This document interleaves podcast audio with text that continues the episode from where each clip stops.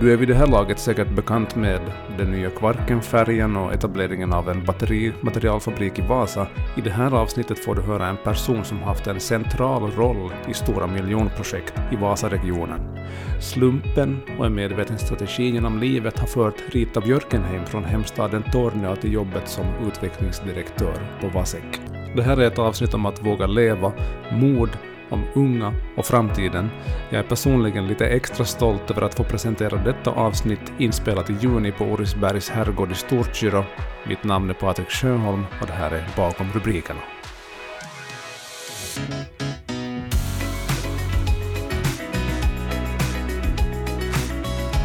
Jo, vi sitter nu på Orisberg gårdens bibliotek och jag tänkte bjuda in dig hit därför för att jag tror att om vi ska diskutera idag om dagens ungdomar och deras förhoppningar och, och vad händer för regionen så då tror jag att i detta rummet man har talat om samma ämnen i olika roller redan flera hundra år. Mm.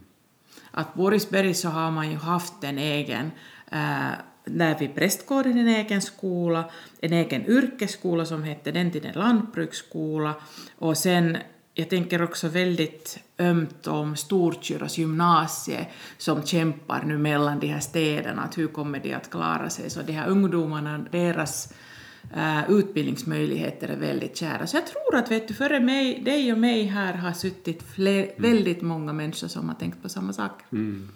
Ja, om de här väggarna kunde tala mm. så skulle det finnas mycket. Eller kanske det är bra att de kan inte tala, ja. så då kan vi, vi laga en egen historia ja, här idag. Jättebra. Det här är som sagt det är väldigt historisk mark det här. Här grundades bland annat Österbottens järnbruk redan på 1670-talet. Reflekterar du ibland själv över hur mycket som har hänt här?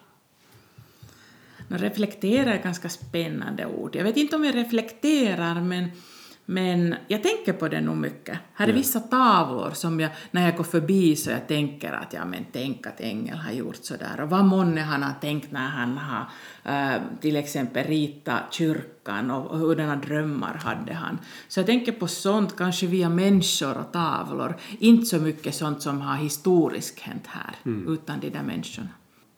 Nu råkar jag då veta, eftersom vi pratades vid här redan för, för några veckor sedan, att eh, här vi nu sitter på Orisberg i Storkyrå, det är ganska långt ifrån var du själv växte upp egentligen. Ja, det stämmer. Jag är född i Tornedalen, Torneo. Jag är ett av de där sista barn som är faktiskt födda i Torneo. För att när jag födde 11 juli så efter en vecka sen flyttades man förlossningsavdelningen till Kemi. Okay. Så, så, så jag alltid när jag är där hos mina föräldrar så, så, så de skojar att du har nog en rättighet att gå här på gatan och Tornö fyller i år 400 år så, så, så månne de skickar blommor åt mig som det var skämt. men, men, men, i alla fall så, ja det är långt borta men här måste jag på det sättet säga att min mamma var från Lappo. Så, så när jag var barn så har jag varit väldigt mycket somrarna i, i Lappo, Karhumäki. Mm. Okay, så på det sättet så Österbotten är inte så långt borta. Nej, nej. Hur mycket Torneå finns det i dig fortfarande? Kanske det är lite där i mentalitet. Ja. Jag brukar säga att jag är inte en lapplänning men jag har en lappländsk själ. Och det där Sen får alla gissa vad månne det sen betyder. För mig det är kanske lite friare, öppnare tankar, en viss spontanitet i livet. Och, och sen, som min man brukar säga, att i Lappland är så lite människor att när man träffar någon så måste man alltid kramas och tala med alla. Så det tror jag att jag gör här också i Österbotten, att jag babblar med alla. Vad var det för typ av samhälle Torneå då du växte upp? ja, Torneå var en typisk industristad som växte upp väldigt, väldigt kraftigt i tiderna. Som vi också flyttade dit. Så jag vill minnas att lågstadiet dit jag for så hade klassar typ över 30 elever, ja, kanske till EDG, så vi var liksom 150 oj, stycken oj. första klassare på vårt skola. Mm, mm. Så, så det, var, det var på det sättet. Men väldigt inspirerande miljö på det sättet eftersom Torneå och Haparanda är en sta, samma stad. Mm. Så man fick uppleva redan tidigt två kulturer. Man fick uppleva både de där goda sakerna, inspirerande, vi kunde gå till Luleå, till H&M väldigt mycket tidigare än någon annan här i Finland, Ja. men sen samtidigt så var det ju den här gräns, gränsstriden som man upplevde också. Precis, ja. Ishockey om inte annat, och, och Juha Mieto och allt det där var nog väldigt smärtsamt när jag var barn. Men man umgick säkert ganska mycket över språkgränserna. Väldigt mycket, ja. Ja, precis. Det gjorde alla. Mm, mm. Ehm, jag vet ju att, eh, att du liksom, du är, det ligger dig varmt om hjärtat frågor som berör unga och, och, och framtid och sådär. Uh, om vi lite tänker på dina, liksom, då du växte upp, fick du själv av dina, dina föräldrar något råd om hur du ska möta livet eller ta dig fram i livet? No, det första var nog alltid att lära språk. Ja. Det var jätteviktigt. Jag tror inte att min mamma och pappa kunde språk, så då var det väldigt, väldigt viktigt att jag tog så många språk som möjligt eh, och fick resa. Det var också deras dröm. Så istället för att de skulle ha skickat med till idrottsplanen, de skickade mig ut i världen och berätta. Så, så jag har fått nog väldigt fritt välja vad jag vill. Mm. Och det tror jag också att, att, att jag har åtminstone försökt föra vidare till mina barn. Att, att, att livet, man ska inte ta livet så allvarligt, men man måste ha en strategi. Mm. Idag så jobbar du som utvecklingsdirektör för Vasaregionens utveckling, eller VASEC som det då heter. Ehm, Kan du berätta lite vad, vad går ditt arbete ut på som utvecklingsdirektör? Mm. Jag brukar säga att jag har säkert Österbottens roligaste jobb. Ja. Jag vet inte om Kai Suomela eller Thomas Ayry tycker att det är samma sak, men jag, jag tror faktiskt för att jag, via det att jag har en stor passion för infrastruktur och, och trafiken och godsflöden och sånt, så då får jag vara med i alla stora megainvesteringar som kommer till regionen. Och det, det, det är för att trafiken och infrastrukturen har så stor betydelse. Så då har jag faktiskt fått senaste tio år uppleva jättemycket spännande saker. Mm. Jag jobbar för tillfället med, med, självklart med hamnen, med järnvägen, med, med gigaområdet, med lite grann med flygplatsen och, och, och, och över gränserna till Sverige och Norge och Europa. Och, Ja. Varifrån väcktes ditt intresse för infrastruktur och logistik? Uh, före jag kom till Vasek så jobbade jag tio år på flygbolag SAS. Och jag jobbade här i Vasa, men sen ganska länge i Helsingfors på, på flygplatsen. Och, och, det där, och där fick vi nog en grundlig skolning vad det är att, att, att skicka en människa från A till B eller en, en, en låda från A till B. Så att det växte nog... Det vi, jag, jag får tacka den, den erfarenheten. Mm. Du har varit och är involverad i, i stora projekt. Ehm, nu senast har vi hört om den här liksom, eh, etableringen av den här eh, batterimaterialfabriken till Vasa. Vad är liksom så där allmänt, vad är nyckeln till att driva så här stora projekt och också att lyckas liksom, vinna dem eller ro, ro hem dem? Ja, det där var en bra fråga. Jag vet inte vad är viktigast, men jag kan nog säga att en stark motivation Ja. är väldigt viktigt. Och varifrån får man det där drivskraften, så det är nog vårt existerande industrin som säger till oss att, att nu måste ni speed up, att följa med världen. Så det är, väldigt mycket inspiration kommer redan från den existerande och att titta tillsammans med dem att vad, hur vill vi se regionen om 10-20 år. Uh, så det, det är motivationen. Sen måste man röra på sig väldigt mycket. Man kan inte utveckla region via att sitta vid torget. Utan, utan man måste röra på sig, man måste våga gå till, till sådana områden som man inte känner till idag. Och det tredje är nog säkert en bra teamanda. Det är det att, att när alla stöder varandra, att man lyckas hitta ett team. Det är ju olika team i varje projekt, men man, lyckas hitta ett team där alla stöder varandra. Alla är lite olika och så här, så jag tror att det är där. Motivationen kommer från samhället och industrin, det är nog jätteviktigt. Precis. Ja. Det finns sådana regioner i Finland där man har av en eller annan orsak slutat att lyssna på vad, vad existerande industrin säger, då har man svårt att hitta någonting nytt också.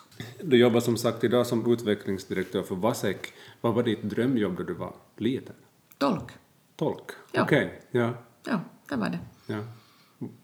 För att språket var involverat? Språket var involverat plus att jag tyckte det var så vansinnigt fint när någon kunde tolka tal till Ja. olika, ja. Okej. Så jag, jag, jag, i skolan så, så, så jag hade ryska och tyska och liksom massor med språk bara för att jag tyckte att det var spännande. Okej, just det. Men det blev ändå inte så att du... Nej, det blev inte jag, nej. Nej. Livet, eh, många av de här sakerna som har fört med det att vi sitter här idag, så eh, har hänt av en slump. Jag faktiskt, när jag tänkte på detta intervju eller sommarprat, så jag tänkte på det där att vi är väldigt ivriga att säga till våra ungdomar att så här ska du göra, så här ska du planera. När jag tittar bakåt 30 år, så jag har haft en strategi, hur, hur vill jag se min framtid? Men alla de där största och lyckligaste händelserna har kommit av en slump. Till exempel det där när jag flyttade från Rovaniemi till Seinöki. det var av en slump helt sådär. Och vilken story! Att jag träffade Johan på, på, på, på en fest just när vi öppnade den här nya restaurangen av en slump. Att, att jag började jobba på SAS av en slump. Alltså alla de där mäktigaste sakerna har hänt utan min strategi. Annars hade jag nog där att, att jag vill ha en bra utbildning. Men, Mm, mm, så det är ganska intressant. mm. Berätta lite om din, liksom din, din strategi. Hur, hur har den sett ut så där i, i stora drag? I st- no, det, väldigt mycket hängde på den där utbildningen. Så jag, jag tror på en lifelong learning och försöker leva enligt det också. Så, så då, då när jag var i gymnasiet så visste jag redan att, att jag måste ha minst två... Jag, jag har sagt till alla dagens ungdomar att jag, vet ni att, att ni har en enorm stress på det där att till vilken skola ni går efter gymnasiet. Men jag tror att ni hamnar att ta flera olika utbildningar. Och sen blir det alla så här att nej, vad menar du? Men jag tror faktiskt på det. Så har det hänt för mig. Att, att, att det här är mitt tredje utbildning som jag går nu på. Och, och det där, men jag hade alltid det där att en utbildning, att lära mig språk, att kunna ha praktik utomlands, det var jätteviktigt. Det var alltid när jag började någon skols, eh, skolår så tänkte jag okej, vart far jag i år? Så bland annat när jag var i yrkeshögskola i Rovaniemi för att studera till restonom, så vi var de första som for utomlands på praktik.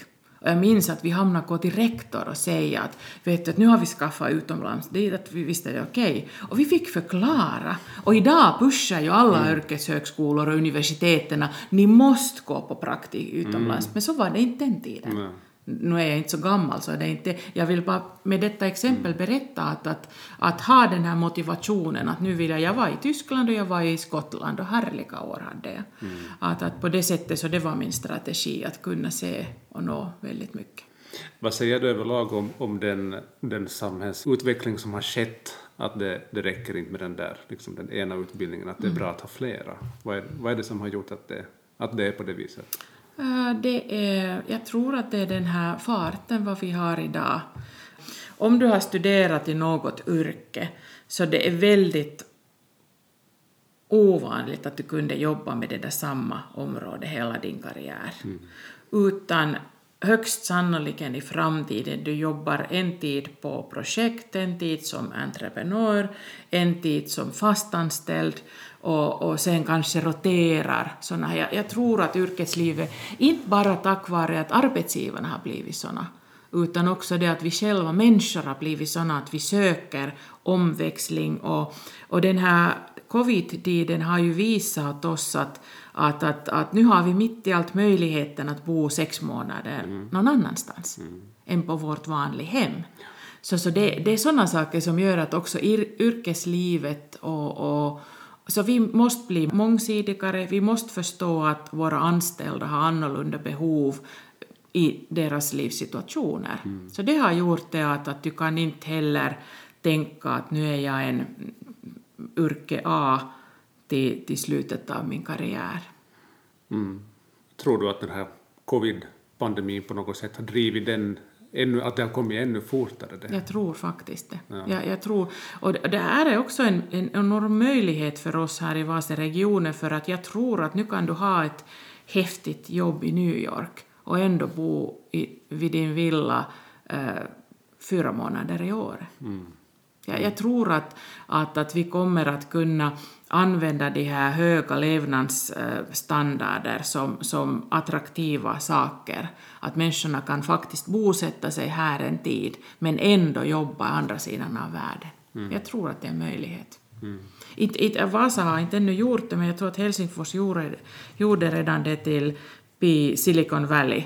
Att, att you can work there but please come and live with us. Så jag tror, vi, vi närmar den tiden. Jag tror att de här internationella eh, investeringar vad vi har som, eh, som pågår som bäst, så jag tror att deras ledningssätt kommer att vara på det sättet att de kan ha en, ha en ledare i Asien, en ledare i Europa, en ledare i Vasa. Och ledningsgruppen grundas på ett annorlunda sätt. Och det är en enorm möjlighet. Vi vill väldigt gärna hitta och erbjuda betydelsefulla arbetsplatser och arbetsinnehåll. Så då är det möjlighet att nappa det innehållet till ditt liv utan att du behöver flytta eller resa så mycket.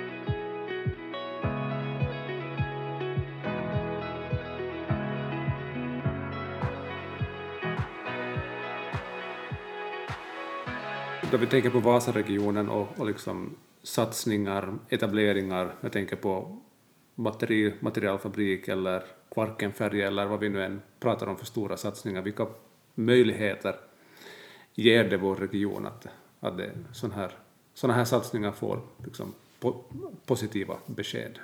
No, det ger ju möjligheter för dig och mig att lära någonting nytt. Ja. Och sen åt just den här yngre generationen att jobba med någonting som är spännande, väldigt spännande, lärorikt. Det ger möjligheter att redan när jag talar med mina väninnor i Helsingfors när de tittar sina barns, att, att de kommer till Vasa universitet så säger jag alltid men grattis, för då har de en säkrad framtid. Och då är det där så, vad, vad menar du? Så att, Men jag menar att i Vasa du har möjlighet att lära dig någonting sånt som inte någon annan gör. Uh, det borde ju ge åt oss mera invånare, men ändå, jag vill hellre tala om den här kunskapsnivåhöjning. Att, att vi har varit väldigt kraftiga på energikunskap och kunnande och, och innovationer på den sidan, men nu hittar vi nya grenar på maritima och så här. Så att, och de kommer strategiskt rätt tid. Att nu är vi också mogna att ta emot det här nya kunskapen. Mm, mm. Ja, satsningar av den här typen kan ju fungera som en, som en slags morot för arbetskraftsinflyttning till Vasaregionen. Eh, överlag så har inflyttningen till, om vi tänker då uttryckligen Vasa, minskat under ganska lång tid. Så är det, är det så enkelt att bara det kommer nya arbetsplatser så då, då kommer också mera folk hit? Mm, jag tror inte att det är så enkelt. Vi har kanske tänkt länge att, att det är så enkelt, men det finns betydelsefulla arbetsplatser annat än bara energiteknologi. Vi måste uppskatta vårt vårdsektor. Vi måste uppskatta vårt eh, kreativa branscher och på det sättet skapa en ekosystem som lockar mera än bara de här etableringar som du nämnde. Och sen via, via, till exempel om vi tänker på kreativa branscher, det är på ett sätt mitt favoritämne på sistone. Eh, båda mina barn är, nu, är just nu i det skedet att de har blivit färdiga från skolan och de söker sitt, sitt var, var de vill bo och så här. Så den den ena söker självständigt jobb var han får bestämma hur han vill ha sin vardag och, och då har han bestämt att flytta till Orisberg. Och den andra är radedom som tänker på att nu vill jag ha ett coolt arbetsplats, massor med sociala evenemang runt arbete, jag vill lära mig någonting nytt hela tiden men jag vill ha att det funkar lite på ett annat sätt. Och det är värdekedjor som vi måste känna igen. Jag säger alltid att, att Vasaregionen borde ha en en målgrupp som heter, nu är det på finska, sorry, rockia, sportia och räminä. Att vi tillåter och accepterar och till och med lockar hit människor som har annorlunda tankar vad vi har idag. Mm. Vi är ibland lite traditionella. Vi tycker och vi älskar vår traditionella eh, inheritage. Men, men samtidigt så vi måste acceptera att det finns annorlunda värden. Kanske någon sån här häftig bloggare eller, eller, eller liksom via, via det som är, kan lära oss att vad, vad är det att flytta till Vasa? Hur det känns det? Ja. Men jag tror att, att befolkningen, det var din ursprungliga fråga, så det kommer nog att öka via dessa investeringar, för det är ett måste. Det har blivit mera, om man säger, komplext det här att försöka locka folk till en Ja. region eller en stad. Ja.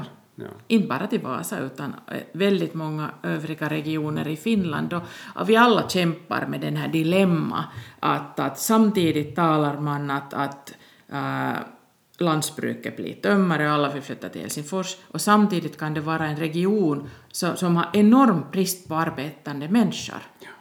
Så, så vi måste kunna leva mellan där och berätta att vi är levande, vi är levande idag, vi tänker inte minska. Vi måste, eh, du, ni, ni skriver väldigt mycket hos er om den här storming till Sverige och Stockholm. ja. Så vi måste kunna hitta varför flyttar man dit? Ja. Vad, vad är det som lockar mera där? Har vi tillräckligt med fina kaféer eller Instagram-acceptabla platser? Att vad, vad är det som gör att, att vi hänger med? Och där tror jag att kreativa branscher har en stor roll. För jag kan tänka mig också själv som ändå ung, att, att det, det som det som i, i ganska stor utsträckning också lockar till att fundera var man ska bosätta sig när man har studerat klart.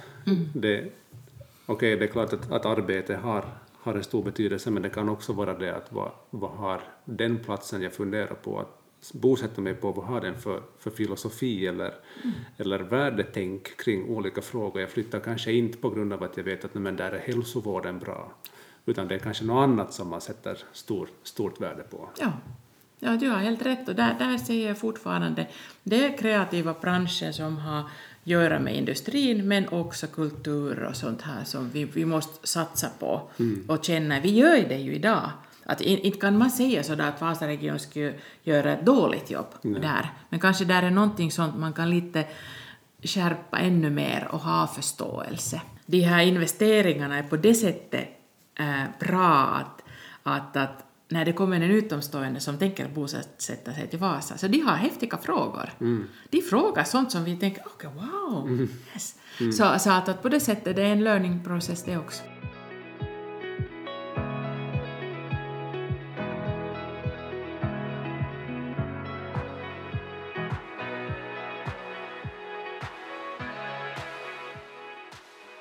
Med tanke på utveckling då så åtminstone jag själv funderar ganska mycket på, på liksom framtid. Det, det gör behöver säkert de flesta människor.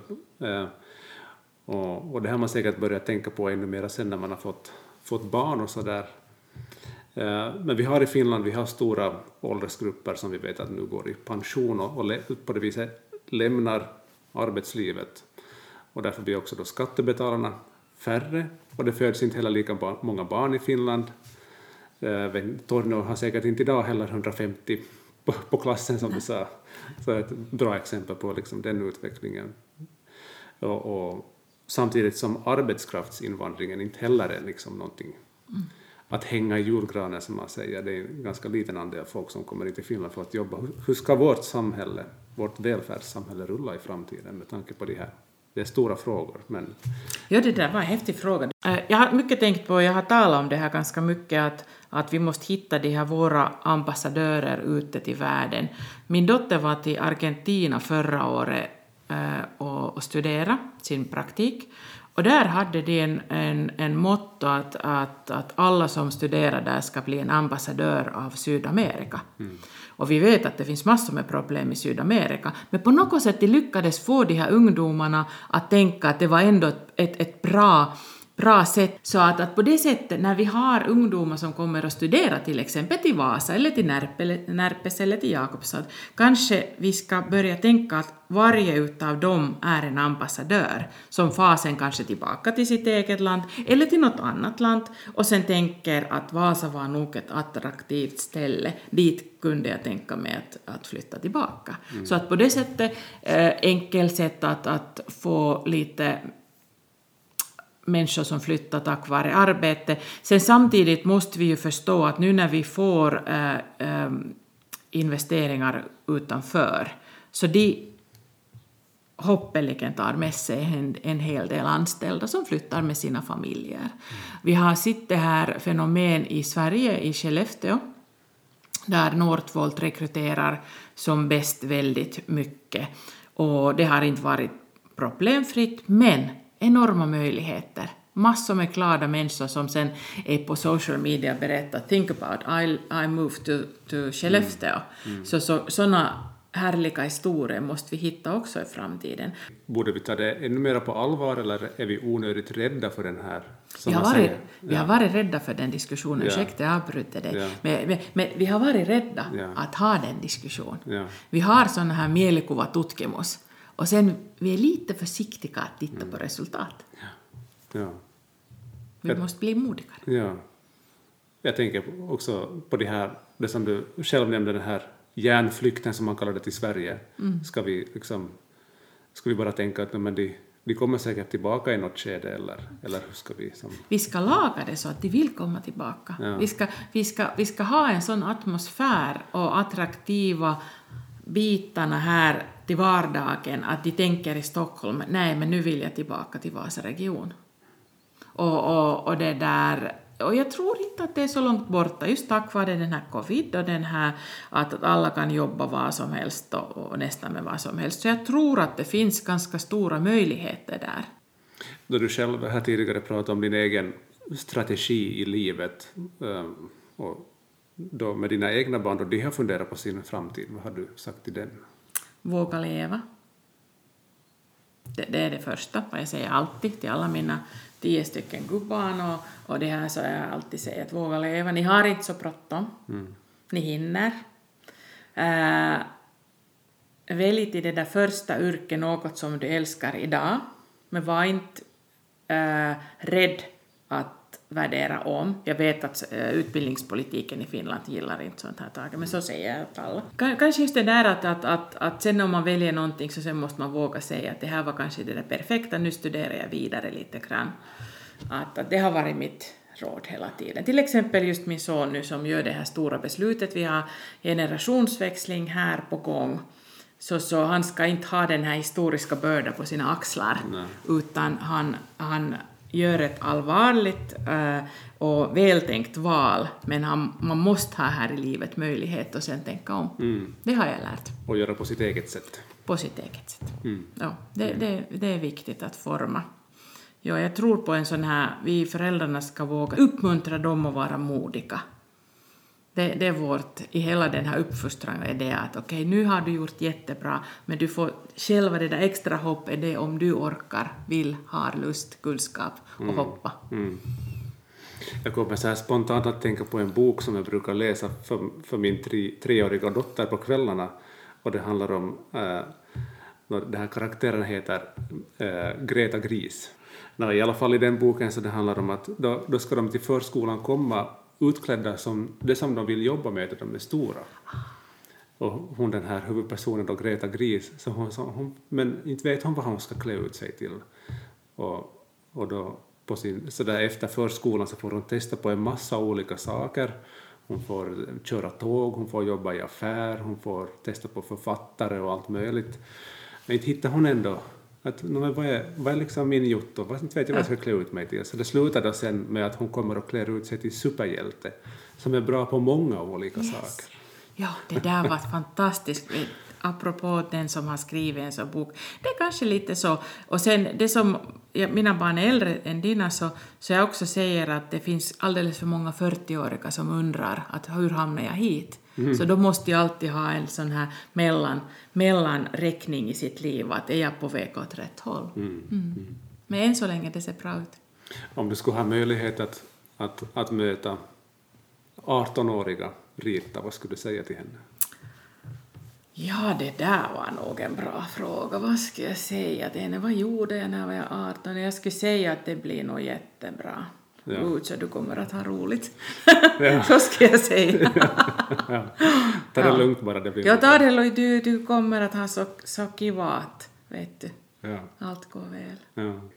Hur ska vi prata med unga om framtiden utan att lägga press på på dem att de, du behöver bestämma nu vad du ska göra, den du ska gå, välj den utbildning som du ska ha och sen ska du jobba med det i x antal år.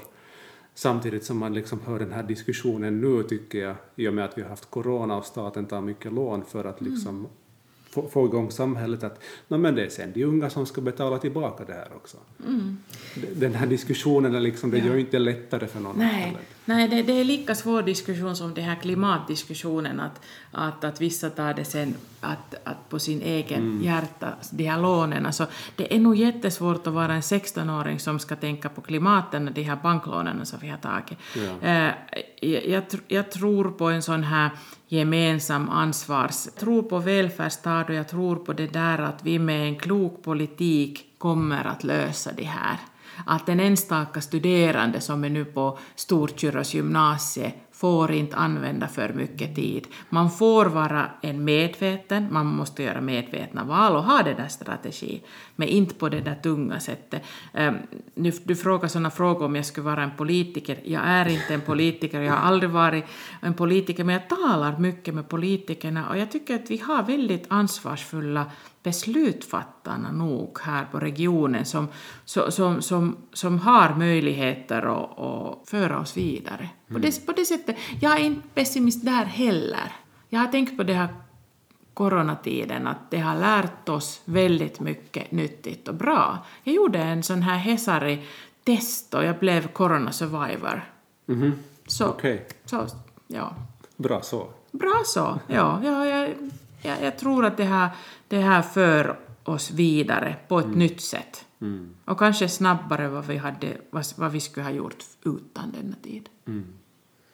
Hur tror du det här årtiondet kommer att se ut för, för Vasaregionens del? Du, du som är utvecklingsdirektör på Vasek, vad ser du framför dig?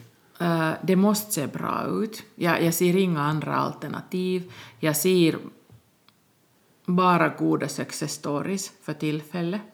Men inte på ett naivt sätt. Mm. Jag ser också väldigt mycket arbete.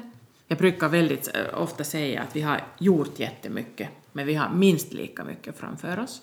Så jag tror på det där, jag tror på en stark motivation att utveckla denna region och jag tror att just tillsammans med de här utomstående som tvingar oss att vara lite skarpare så det blir en bra resultat. Mm. Vad ska du göra i sommar? Sommaren på Orisberg är ju alltid fin. Ja. Så jag ska njuta av naturen här, självklart. Men samtidigt göra massor med sådana fina Finlands inrikesresor. Mm. Förra sommaren var ju jättehäftig, för att jag hittade åtminstone sånt som jag hade inte sett på många år. Det var för enkelt att ta en resa till Italien med vänner, och nu var det lika enkelt att ta en resa till Punkaharju mm. med vänner. Mm. Så det ska jag göra i sommar. Okej, okay, precis. Mm. Tips på någonting man kan göra i, i Vasaregionen? Och nu när vi sitter i Storkör så måste jag ju alltid säga Kyrö Distilleri. Ja. För att det är nog ett av de där megaställena i hela Finland. Vi har massor med utländska gäster som kommer hit bara för att titta och testa det. Mm. Uh, sen får jag nog alltid till Replot med mina vänner som kommer andra delar av fin Finland. Mm.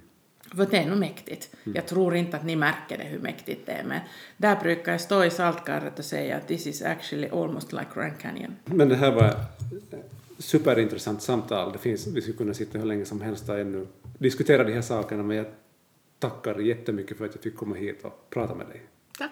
Tack själv. Och ha en skön sommar. S samma.